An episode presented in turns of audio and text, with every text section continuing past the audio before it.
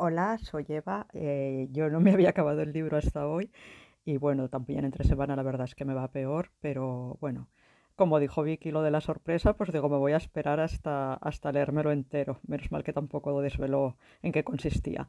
La verdad es que para mí la sorpresa no es única, sino que son varias, ¿no? Porque, por ejemplo, también me sorprende el hecho de que el padre acabe siendo el, el Monsieur Lambert y bueno, al final, eh, la duda, no habéis comentado nada de eso, y yo esto de la cárcel, él dice muy, muy al final, en Londres se pueden conseguir cosas, bueno, todas las grandes ciudades, y, tengo un poco la sensación como si él hubiera ordenado la, la, muerte, pero pienso que no, no sé, a ver qué pensáis de eso, a mí eh, me, me, queda esa duda, ¿eh? de, de, que como si él hubiera, aunque no, no le veo ningún sentido, ¿eh? pero que hubiera ordenado él la muerte pensando, va, se la van a atribuir a los sicarios por el rollo de la, de la hermandad.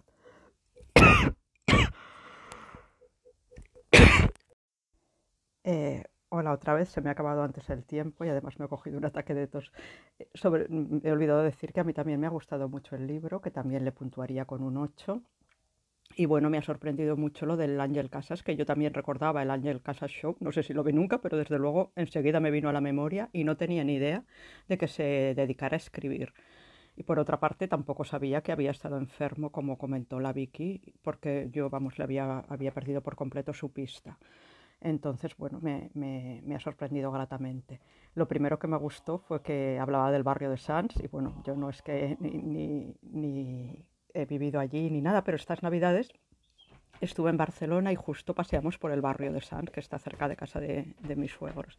Y me hacía mucha gracia porque, claro, pues las calles, bueno, siempre esas cosas siempre, siempre me gustan, ¿no? Y bueno, se, se me está acabando el tiempo, voy a seguir en el, en el próximo podcast. Bueno, pues me gustó mucho lo de Sants, pero también cuando hacen como la visita turística a Barcelona. Yo no vivía en Cataluña de pequeña, pero sí que vine alguna vez con mi abuelo, recuerdo perfectamente.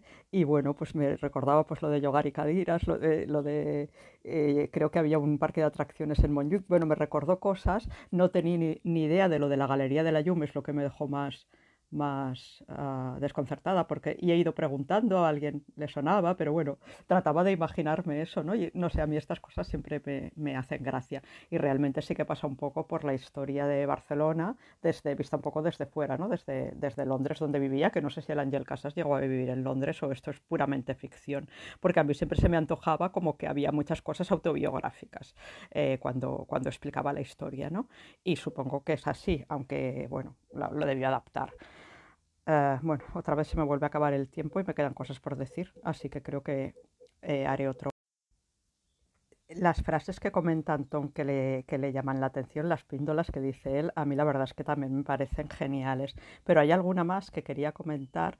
Una de ellas habla de que cuando te miras con los ojos de los otros, bueno, que en tu día a día pues eh, no pasa nada, pero que si de repente ves a una persona que hace mucho que no ves, es como que te haces cuenta de que te has hecho mayor, algo así.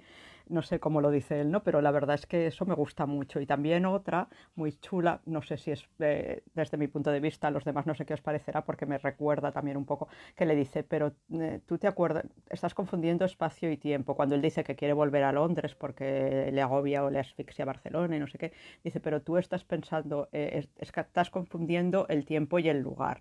Tú lo que recuerdas es un, un Londres concreto, una época concreta y eso también me gustó mucho porque es cierto, a veces pasa, ¿no?